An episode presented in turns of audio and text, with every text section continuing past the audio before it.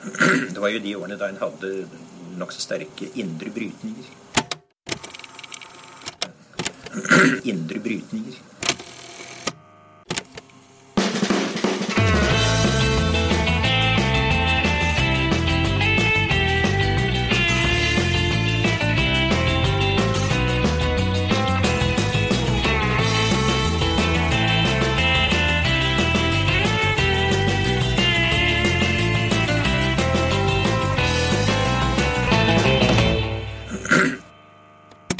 Velkommen tilbake til Noen har snakket sammen. Mitt navn er Tiril Rustan Halvorsen. Og jeg heter Halvor Finnes Retvold. Hei. Hei, hei. Hvordan har uka vært? Det har vært en, eh, det har vært en uke med litt sånn halvlabert uh, nyhetstrøkk, kan vi kanskje si det sånn. Um, boligpriser og lyngbranner, på en måte. Hett. På mange, veldig mange måter. og så har det jo vært disse uh, ikke så bra målingene for uh, Arbeiderpartiet, Nei. som uh, er nede i sånn 22% ish på den ene målingen, og 23,4 på den andre. Det kan jo få det til å gå kaldt nedover ryggen på de fleste. Og det understreker jo liksom at uh, dette partiet er i uh, en eller annen form for krise som de må komme seg, grave seg ut av. Og så mm. er det jo interessant at det er Rødt som uh, i hvert fall i byene ser ut til å gjøre det nokså bra. Men de fleste som forsvinner fra Arbeiderpartiet, går jo på gjerdet eller i sofaen. Det kan hende. Ja, men de, de gjør det. um, Så hvordan man skal få de tilbake, er jo et av de store spørsmålene. Først må man legge uh, død de Eller komme seg over og videre fra personkonflikter og annet rot internt. Fordi det er jo den uh, side av det også. ikke sant? At den siste uka så har jo det der uh, blitt helt synlig for uh, enhver. At internbråket i Arbeiderpartiet er ikke over. Eh, selv om man har liksom lukket prosessen rundt Trond Giske og alt det, så er det fortsatt mye baluba. Så det er jo ikke sant? Og Da kommer jo kommentarartiklene som handler om at eh, kan Støre holde dette sammen? Er han rett person til å lede Arbeiderpartiet inn mot 2019 og etter det, osv. Så sånn at, ja. Til tross for, da, kan man jo si, at det har jo vært eh, mer snakk om politikk de siste ukene enn det har vært eh, vinteren eh, sett under ett. Um, for, eh, for, eksempel er det blitt flertall forrige uke for et forbud mot bemanningsbransje. Ja, det tror jeg kanskje at vi ikke helt har uh, sett at, uh, hvor viktig det er, egentlig. Uh, fordi, Hva mener du? Nei, altså jeg tenker som så. Uh, for det første så er det jo det med at KrF støttet venstresida i det her. for det andre så er det jo interessant at Stortinget på den måten kan liksom instruere Altså vi har kommet Den parlamentariske situasjonen er nå annerledes enn den var før valget. regjeringen har mindre styrke enn den hadde, og blir mye, blir mye oftere på en måte instruert av Stortinget om hva de skal finne på. Så det er interessant. Og så er det jo i det store europeiske bildet sånn at uh, nulltimerskontrakter, midlertidighet, altså alt det som ligger i det nye arbeidslivet i land som Tyskland og Spania, sånn, det, det, er veldig utbredt der. Er et stort problem. ikke sant? Så mm. at man tar tak i det i, i, Norge nå, er jo interessant i og for seg. Men jeg tror ikke det har gått inn hos folk da, at, uh, at dette skjedde forrige uke. Mm. Nei, alle har sikkert ikke fått med seg det, men det er også litt sant, Man sier sånn ja, bemanningsbransjen består av 1 eh, av sysselsettingen i Norge. Det høres jo veldig lite ut, men det er jo viktig nettopp fordi man tar tak i problemet før det blir sånn som det kan se ut som det er i Tyskland og Spania osv. Altså, det er i hvert fall eh, I det store sånn, europeiske bildet så er det i hvert fall helt åpenbart at veksten etter finanskrisen Man har liksom kommet litt tilbake i stor grad har kommet som i form av eh, et endret arbeidsliv med mye mer sånn ustabile, ja, ja, mye mer ustabile mm. arbeidsforhold, rett og slett. Mm. Og ja, så ble vi ikke så hardt truffet av finanskrisen i Norge. Eh, og, og dermed så er kanskje ikke det, liksom, den prosessen vært like sterk her. Og dermed også dette problemet mye mindre her. Men mm. likevel, prinsipielt så har det noen, noe å si, da. Ja, veldig viktig for framtiden for sosialdemokratiet at de faktisk kan fortsette å tilby et trygt og godt og stabilt arbeidsliv. Likevel så er det jo en uh, defensiv pose, om du vil. Man forsvarer noe som er opparbeida sånn, mot utviklingstrekk. Uh, mens det som jo har vært mye snakk om, og som uh, jeg tror gjelder både Arbeiderpartiet og andre sånne partier, det er at man leiter etter noen eh, positive prosjekter. Sant? Hva er det framtidige samfunnet man skal skape? Og den jakten har jo foregått i noen år, og litt sånn famlende og sånn. Men uh, vi skal snakke om ett forslag i dag. Ja, eh, det, ideen om at eh, man skal eie sin egen arbeidsplass i, i mye større grad enn det man har i dag, med eiere, ledere, arbeidere. Eh, Så da kommer Hilde Nagel, min kollega i Tankesmien, hit for å, å lufte og diskutere denne ideen med oss. Ja, fordi det var også et møte denne uka her hvor dette ble diskutert. ikke sant? Ja, Som dere kan høre på nytt da, på Tankesmien Agenda podcast, i podkastappen. Hele møtet. Ja.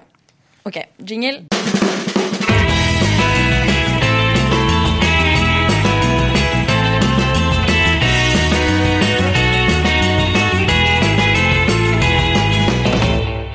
Som nevnt, da, velkommen Hilde Nagel. Du er eh, statsviter og min kollega i Tanksveen. Velkommen. Veldig hyggelig å være her. Eh, du har jo jobbet litt i det siste med Um, ideer om, om samvirke og, og medarbeidereide bedrift, eller arbeidereide bedrifter, Um, som vi tenkte at vi skulle snakke om i dag, om hvordan det uh, kanskje muligens kan bli en uh, av sosialdemokratiets og venstresidens fremtidige prosjekter. Eh, Men da må vi først dykke litt ned i hva det er, og hvorfor dette er en, en idé. Og ofte så snakker man jo om eh, dette som økonomisk demokrati. At man har på den ene siden så har vi allerede politisk demokrati, og alle tar det som en selvfølge. Mens på arbeidsplassen så er det ikke like selvfølgelig at man skal kunne bestemme like mye. Og der kommer jo dette eierskapet inn. Ja, egentlig er det, det er jo et ganske paradoks at man tilbringer så mye tid på jobben, og så er man så lite opptatt av at det er demokratiske måte, regler som gjelder der, men man er veldig opptatt av det i politikken og i resten av samfunnet. Så den tanken om liksom å ha kontroll over og være med på å bestemme over det som skjer på jobben, den syns jeg er veldig spennende. Og I tillegg så er det jo noe med økonomisk demokrati som dreier seg også om fordeling. Det dreier seg om å se på hva er liksom fordelingen mellom arbeid og kapital. Eh, og det tror jeg også er noe som vi er nødt til å se nærmere på framover, som sosialdemokratiet er nødt til å sånn, se på andre måter man kan fordele det. Fordi det er veldig godt dokumentert at kapital har blitt mye viktigere når det gjelder liksom, øh, øh, fordeling. ikke sant? At den er konsentrert. Det er veldig få som eier kapital, og de tjener mye penger på det. Det var annet det Thomas Piketty Thomas viste. Piketty mm. har dokumentert det veldig godt, og andre har også dokumentert det veldig godt. Sånn at det er noen få som sitter og kontrollerer veldig stor del av kapitalen, og så er det andre som jobber i de bedriftene som produserer den kapitalen. Mm. Så har vi mange måter å tenke hvordan vi skal gjøre, liksom, omfordele ressurser. ikke sant? Så den klassiske, og som for så vidt har vært veldig vellykka, har vært at man tenker at man må ha god forhandling når det gjelder lønn. Sånn at eh, fagbevegelsen og hele trepartssamarbeidet dreier seg om det, og har vært vellykka særlig i Norge. Eh, og så har du den at du skal fordele etterpå via skattesystemet. Men så ser du at ulikheten likevel øker.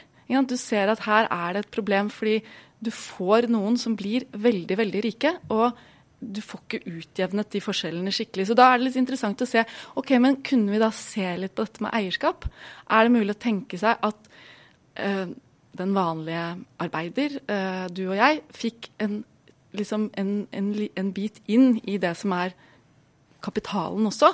At man både får lønnsinntekt og kapitalinntekt. Ja. som Og da kan man gjøre det ved å Og der, der er det mange modeller, ikke sant. Så det, eh, skal jeg Før, Ja, jeg bare- tenker at før vi går inn i liksom alle de forskjellige modellene, kan få forståelse for på en måte, hvordan ehm, det eh, å gi eierskap til arbeidersiden i den der gamle, klassiske motsetningen mellom arbeid og kapital, gjennom å gjøre arbeiderne til eiere, hvordan det på en måte ehm, kan ses som en slags sånn forlengelse av den, der, den klassiske sånn sosialdemokratiske eller eh, sosialistiske impulsen ikke sant? Som, som ligger der fra bunnen av. Jeg, jeg, jeg- som sagt, jeg tror det er to ting. Det ene er å beste, altså medbestemmelsen og demokratiet, som ligger i det at eh, du får en mye mer sånn spredning av innflytelse rett og slett gjennom at du i, i disse selskapene her da kan stemme ved generalforsamlingen selv. Du kan selv være med på å bestemme OK, nå kommer det en ny teknologi. Eh, er det noe for min bedrift? Det er, det er tettere på de store avgjørelsene som dreier seg om det du produserer med ditt arbeid.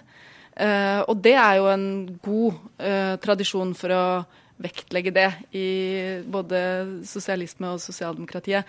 Og så den andre er jo eh, dette med at ressurser skal fordeles rettferdig. ikke sant? At, eh, så, så, både på en måte ha en mulighet til å ha en innflytelse gjennom et formelt eierskap, og at du får en bit av noen ressurser som faktisk du har vært med på å produsere. Mm. Hvordan skal det gjøre, eller Hva er tanken med hvordan det skal se ut sånn konkret? Altså, ja. ja. Her, her, finnes det liksom ganske mange måter å gjøre dette på. Det er flere som sikkert har hørt om dette Mondragon, som er et stort sånn kooperativt samvirke. Men det er i Spania eh, mange bedrifter. Eh, man har til og med en felles bank, man har et, eh, faktisk tar ansvar for utdanning og en del sånne ting. Det er svært. Eh, det er liksom én modell å gjøre det på, ulike former for sånn kooperativer. Men så kan du også tenke at du gjør det innenfor en mer sånn vanlig aksjeselskapsmodell. Men at da dreier det seg ikke bare om at liksom, du har mange selskaper som gir kanskje ledelsen mulighet til å kjøpe aksjer i selskapet og sånn. Det er ikke helt ansatteid. Det må på en måte være mye bredere enn det. Det må være at det er, gjelder bredt eh, ansattgruppene. Og så må det være at det er liksom en betydelig del av eierskapet er hos de ansatte. da. Mm, jeg tenker sånn Advokatfirmaer i Oslo, så er det jo mange partnere ja. som, som, som, eier en skjerv av selskapet og, og blir steinrike ja. på både høy lønn sikkert og, og um, dette eierskapet. Ikke sant. Uh, men, men, men, da må eh, på en måte også resten av personalet da, uh, være medeiere i selskapet. ja, og så er det en viktig ting som man tenker med en gang blir en sånn stopper, og det er jo hvorfor man eh, kapital til, altså hvor man får arbeidsfolk råd til å kjøpe seg inn. Mm. Uh, sånn at det må være en eller annen måte det kan gjøres på, sånn at man ikke må stille med egne penger, liksom. Og da er det flere modeller, men det er en som har blitt veldig populær i USA, som eh, kalles ESOP, som heter Employee Stock Ownership Plans. Som rett og slett går ut på at man setter opp en stiftelse på vegne av de som jobber der. Og så er det den stiftelsen som går til banken og låner penger. Og så betaler man ned til den stiftelsen etter hvert som eh, bedriften tjener penger. Mm. Og det er jo det er jo sånn fin ting, for det er, det er, litt, sånn, det er litt sånn som boligmarkedet har, ikke sant? med sånn leie til eie-opplegg og sånn. At man, hvis unge folk ikke har råd til å kjøpe boligen sin med en gang, så kan de begynne med å leie den, og så får de muligheten til å kjøpe den etter hvert. Det er litt samme type tankegang her. At du liksom du starter ikke med en stor egenkapital, men du har mulighet til å kjøpe deg inn og bli etter hvert medeier i din egen bedrift. Da. Men det er vel sånn i, det er jo mye lånefinansiering i, i um, aksjekjøp allerede, altså fra kapitalsiden. Men da har man jo på en måte en egenkapitalbase mm. som er stor i mm. bunnen. Mm. Så det du sier er at man liksom kan shortcutte det behovet. da. Slippe ja. å ha det der sterk, store behovet for å ha en kapital i utgangspunktet. Ja, altså Hvis du og jeg, hvis det gjelder deg og meg, så trenger ikke vi å sitte eller ta personlig lån for å gå inn, heller ikke personlig risiko på den måten for å gå inn i et sånt mm. prosjekt. da. Uh, og så er det kanskje liksom nyttig å si at dette Det er ikke sånn at jeg tenker at denne ideen skal liksom gjøre at man ikke lenger har behov for den nordiske modellen, eller at det liksom skal være noe som man skal innføre overalt og i alle bransjer. Jeg tror det kanskje egner seg spesielt godt der hvor folk er veldig sånn avhengig av uh, at, at, den kompetansen som folk kommer med, er veldig, er veldig viktig. og avgjørende for bedriften, og kanskje i mindre selskaper mer enn i større, det vet jeg ikke. Men det er ikke uten grunn til at dette har kommet mye i sånn IT-bransjen og kanskje steder hvor folk måtte uh, har behov for å ha veldig sånn kontroll på arbeidsprosessen sin fordi at de, det, det de leverer inn, der, har, der, er de som vet best. Hvordan skiller det seg fra fem uh, brighte kids som lager en, uh, et app-selskap sammen? Liksom eier uh, 20 hver? Ja, ja, nå disser du jo det veldig. Nei, jeg syns det er kult, men jeg bare, jeg bare lurer på om det, det, om det er det, ja, du mener? på en måte? Ja, ja, altså både ja og nei. Eller jeg tror liksom, det er også sånn at Tenk på liksom, arbeidslivet har forandra seg ekstremt mye, og så tror jeg ikke vi helt har forandret så mye modellene for hvordan vi tenker rundt arbeidslivet. Men ledelsesfilosofi nå f.eks. går veldig mye mer ut på at det er de ansatte selv som er den viktige ressursen.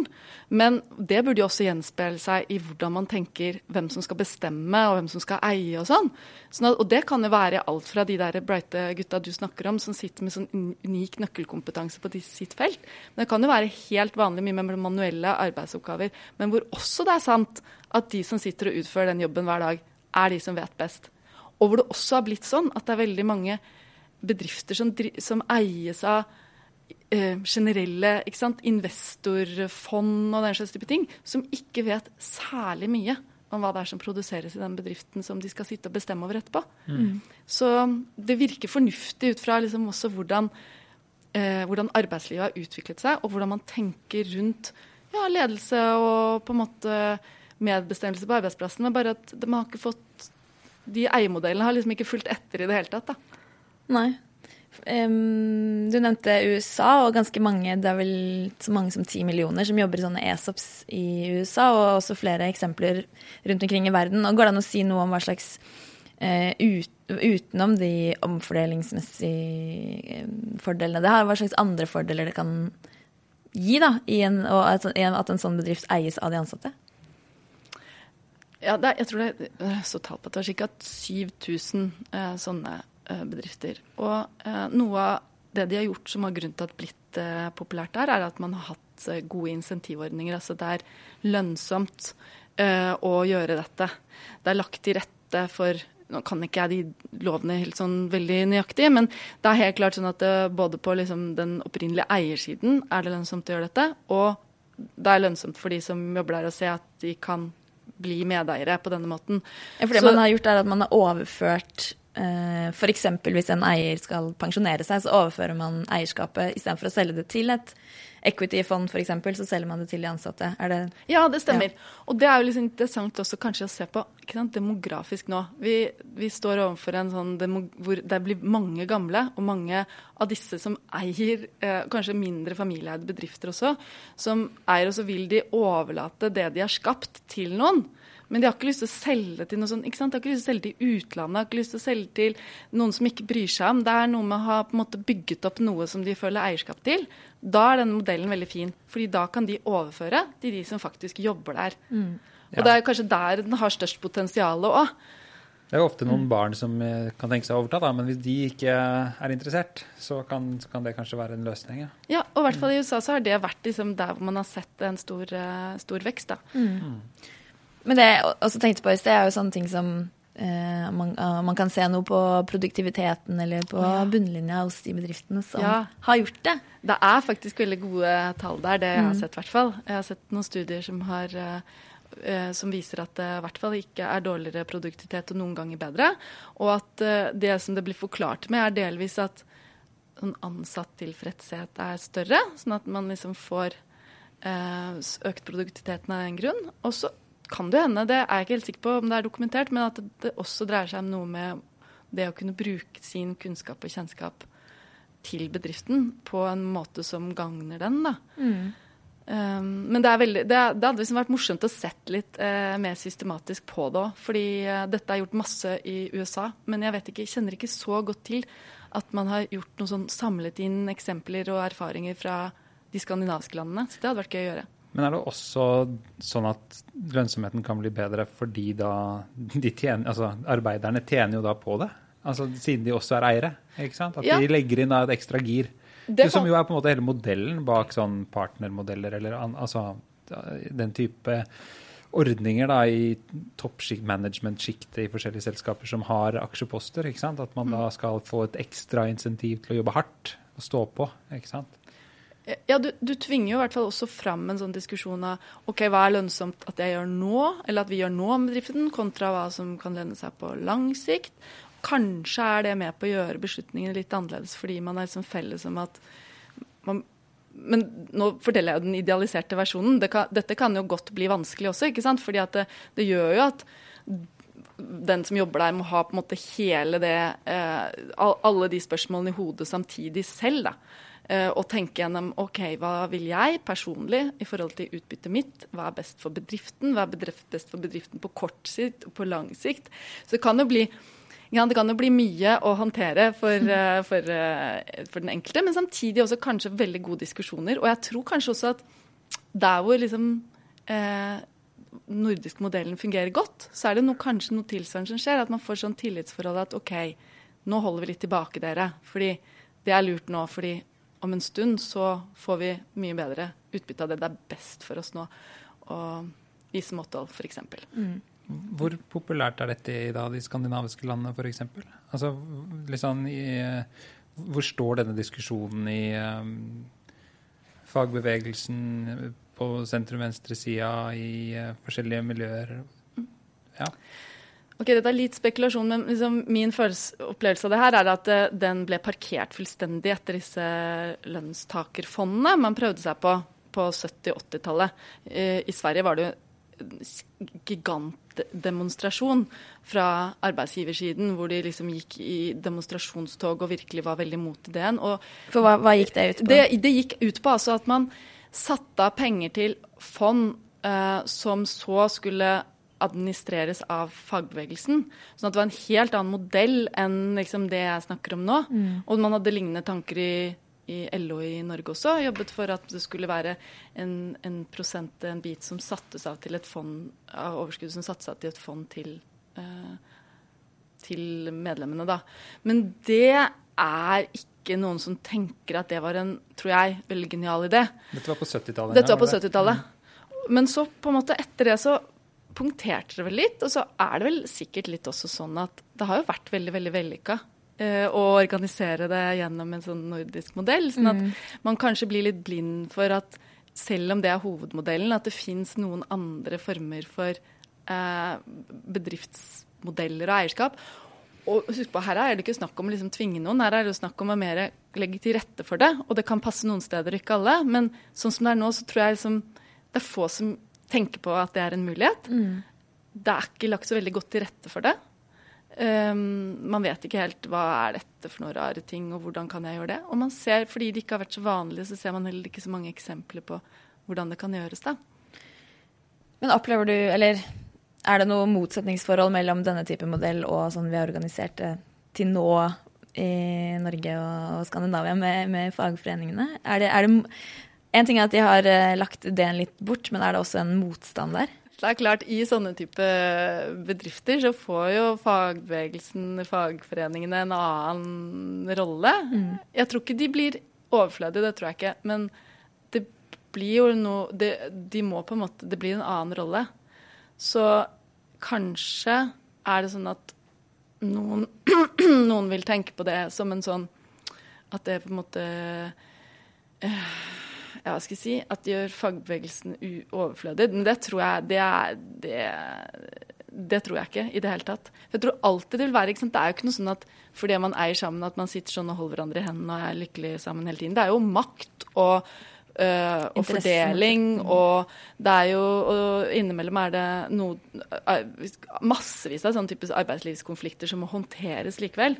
Mm. Så det tror jeg, der tror jeg bare man er nødt til å kanskje være litt kreativ og kanskje tenke på at også fagbevegelsen kunne eh, ta dette inn og tenke hm, ja, er det mulig? Og liksom ha en annen rolle i den type bedrifter. da. Mm. Her er to forslag til hvorfor fagbevegelsen er uh, motstandere.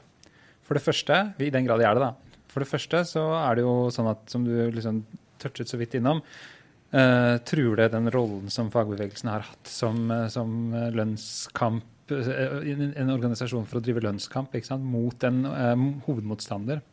Og når uh, man plutselig da er arbeidstakere på begge sider av bordet, så blir det veldig vanskelig å tenke hva, hvor, hva, hvordan skal man på en måte være fagbevegelse i det? Blir ikke fagbevegelsens rolle helt, helt borte, på en måte? Den klassiske forståelsen. Det er det ene, den ene siden av det. Den andre siden av det er jo kanskje vel så viktig, nemlig Eh, at plutselig så blir den klassiske konflikten mellom arbeid og kapital eh, borte. Mm. Eh, den blir internalisert. Mm. Den blir puttet inn i hver enkelt medarbeider istedenfor å være en samfunnskamp. Mm. Um, og det truer jo kanskje liksom den kollektive ideen om liksom et kollektiv da, som står sammen og skal kjempe en eller annen stor kamp i samfunnet. Mm. Eh, så det er jo ikke sånn pussig, kanskje, om det er en slags motstand der uh, heller. Mm. Nei, nei. Men uh, du nevnte noe om at man ikke nødvendigvis trengte å innføre dette overalt, men at man heller kunne gjøre det Legge til rette for at det var minst like lett som å selge til den andre eiere. Mm. Har du noe Hvis man skulle begynt i dag, da, hva slags reguleringer eller ordninger er det man burde begynne å se på?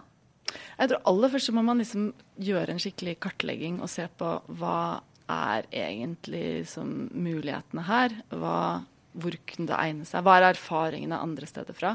Så jeg ønsker meg egentlig at man gjør det. At man mm. samler gjerne en offentlig utredning, altså, men at man på en måte får skikkelig eh, får mer informasjon på bordet. Og så kan man begynne å se på fordi da, tenker, da er det mange måter man kan stimulere denne type eierskap. og Mulig man trenger lovendringer, men det kan også godt hende at vi har fått allerede nå samvirkeloven og andre lover som på en måte legger godt til rette for at du kan gjøre det, men at folk ikke gjør det fordi det ikke er så kjent. Og kanskje trenger man mer dytt til å begynne med det.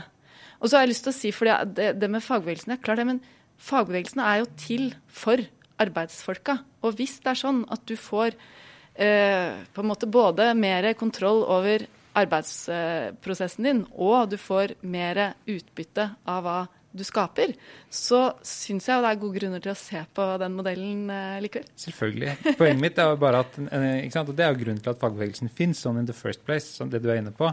Men enhver organisasjon blir jo på en måte også opptatt av seg selv, av å på en måte rettferdiggjøre seg selv og sin eksistens på et eller annet tidspunkt. Og det gjelder nok også fagbevegelsen. ikke sant? Mm. Sånn at uh, hvis man da opplever det som, som, uh, som rart, selv om jeg kan skjønne hvor, måte, argumentasjonen om, og også sett fra et sånt, hva den opprinnelige impulsen var, så var det å ta stadig skritt for å gi arbeidsfolk større innflytelse over eget liv og, og en større del av kaka. Og så har den nordiske modellen vært et effektivt virkemiddel som fagbevegelsen har stått uh, for i, i, i, norsk og skandinavisk historie. Men så støter det mot en grense. ikke sant? Den støter mot en grense i form av at ulikheten fortsetter å øke. Og den støter mot en, en grense i form av at den, eh, den, måte, den kommer ikke for, den overskrider aldri den interessemotsetningen, den konflikten som ligger til bunn for, for den. Mm.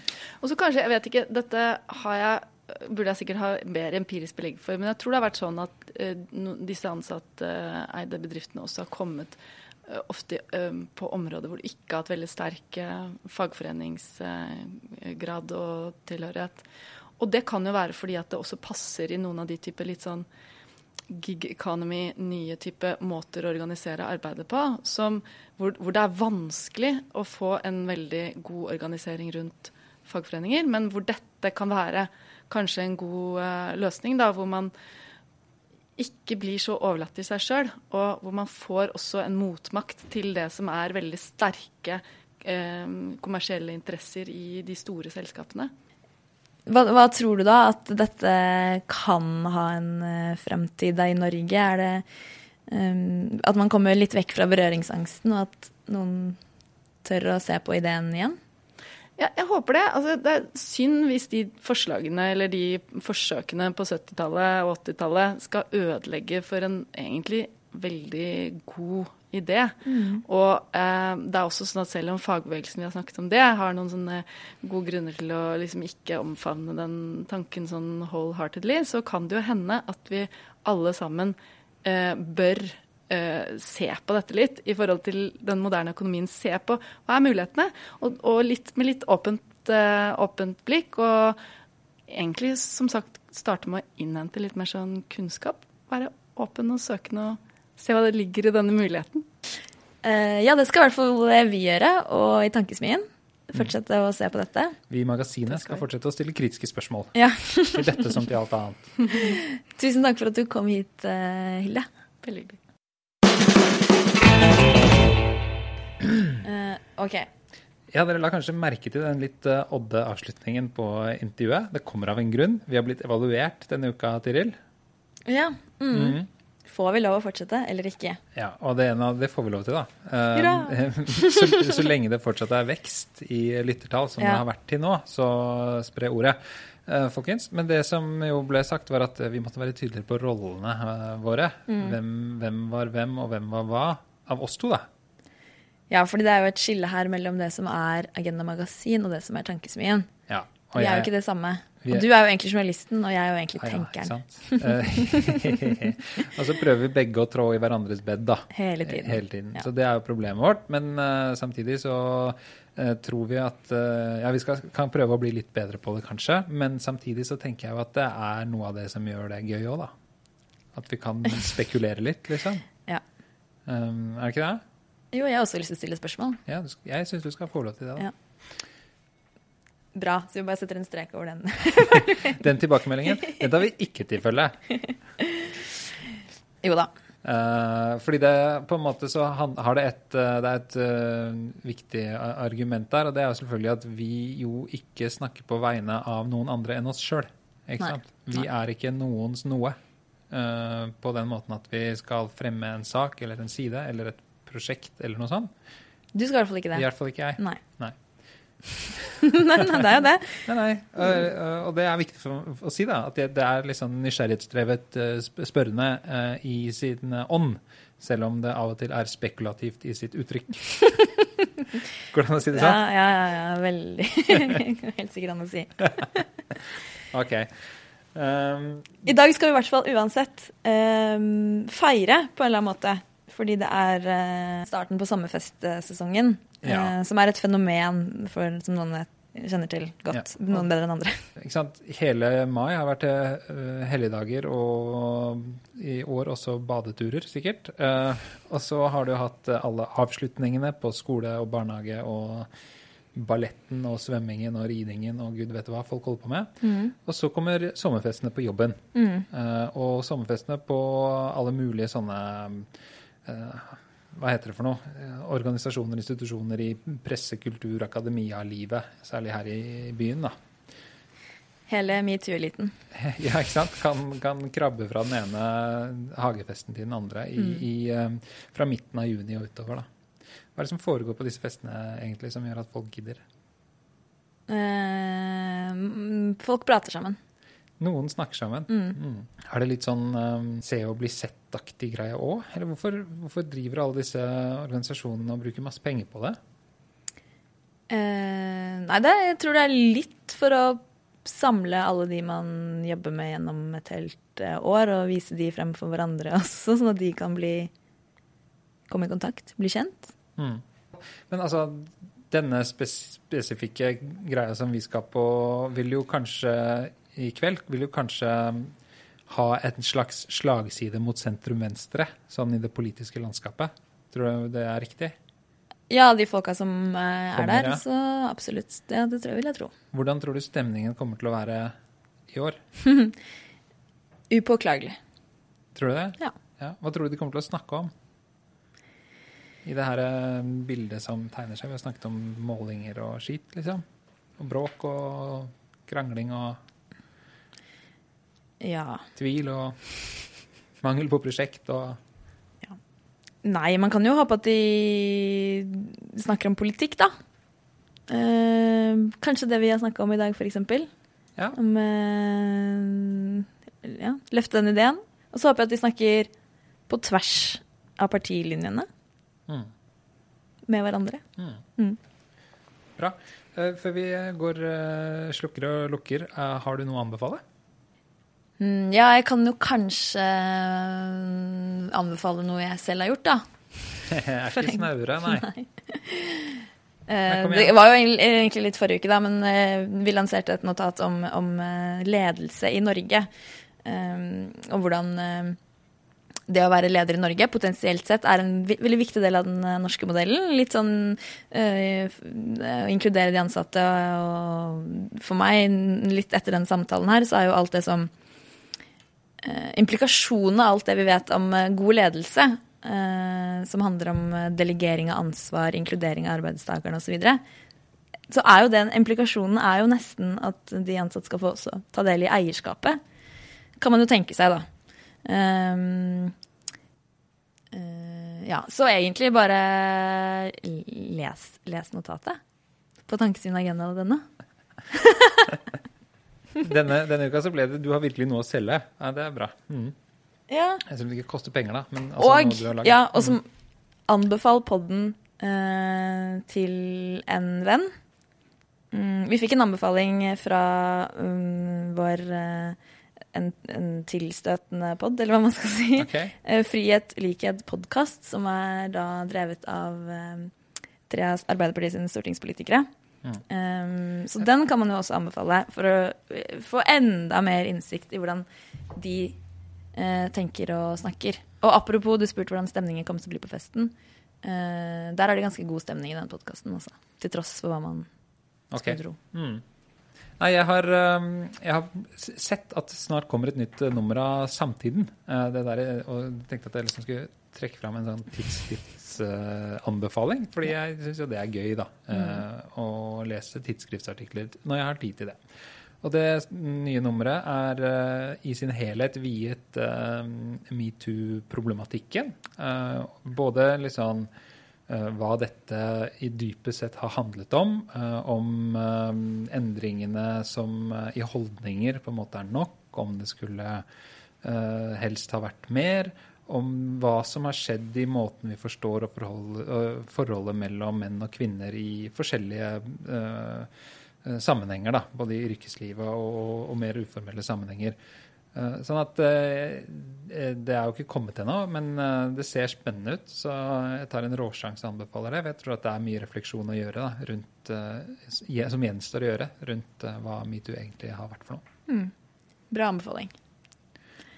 Da er det bare å gå hjem og ta på seg finstansen. Det er det. Takk for i dag, dere. Takk for i dag. Ha det Ha bra. det.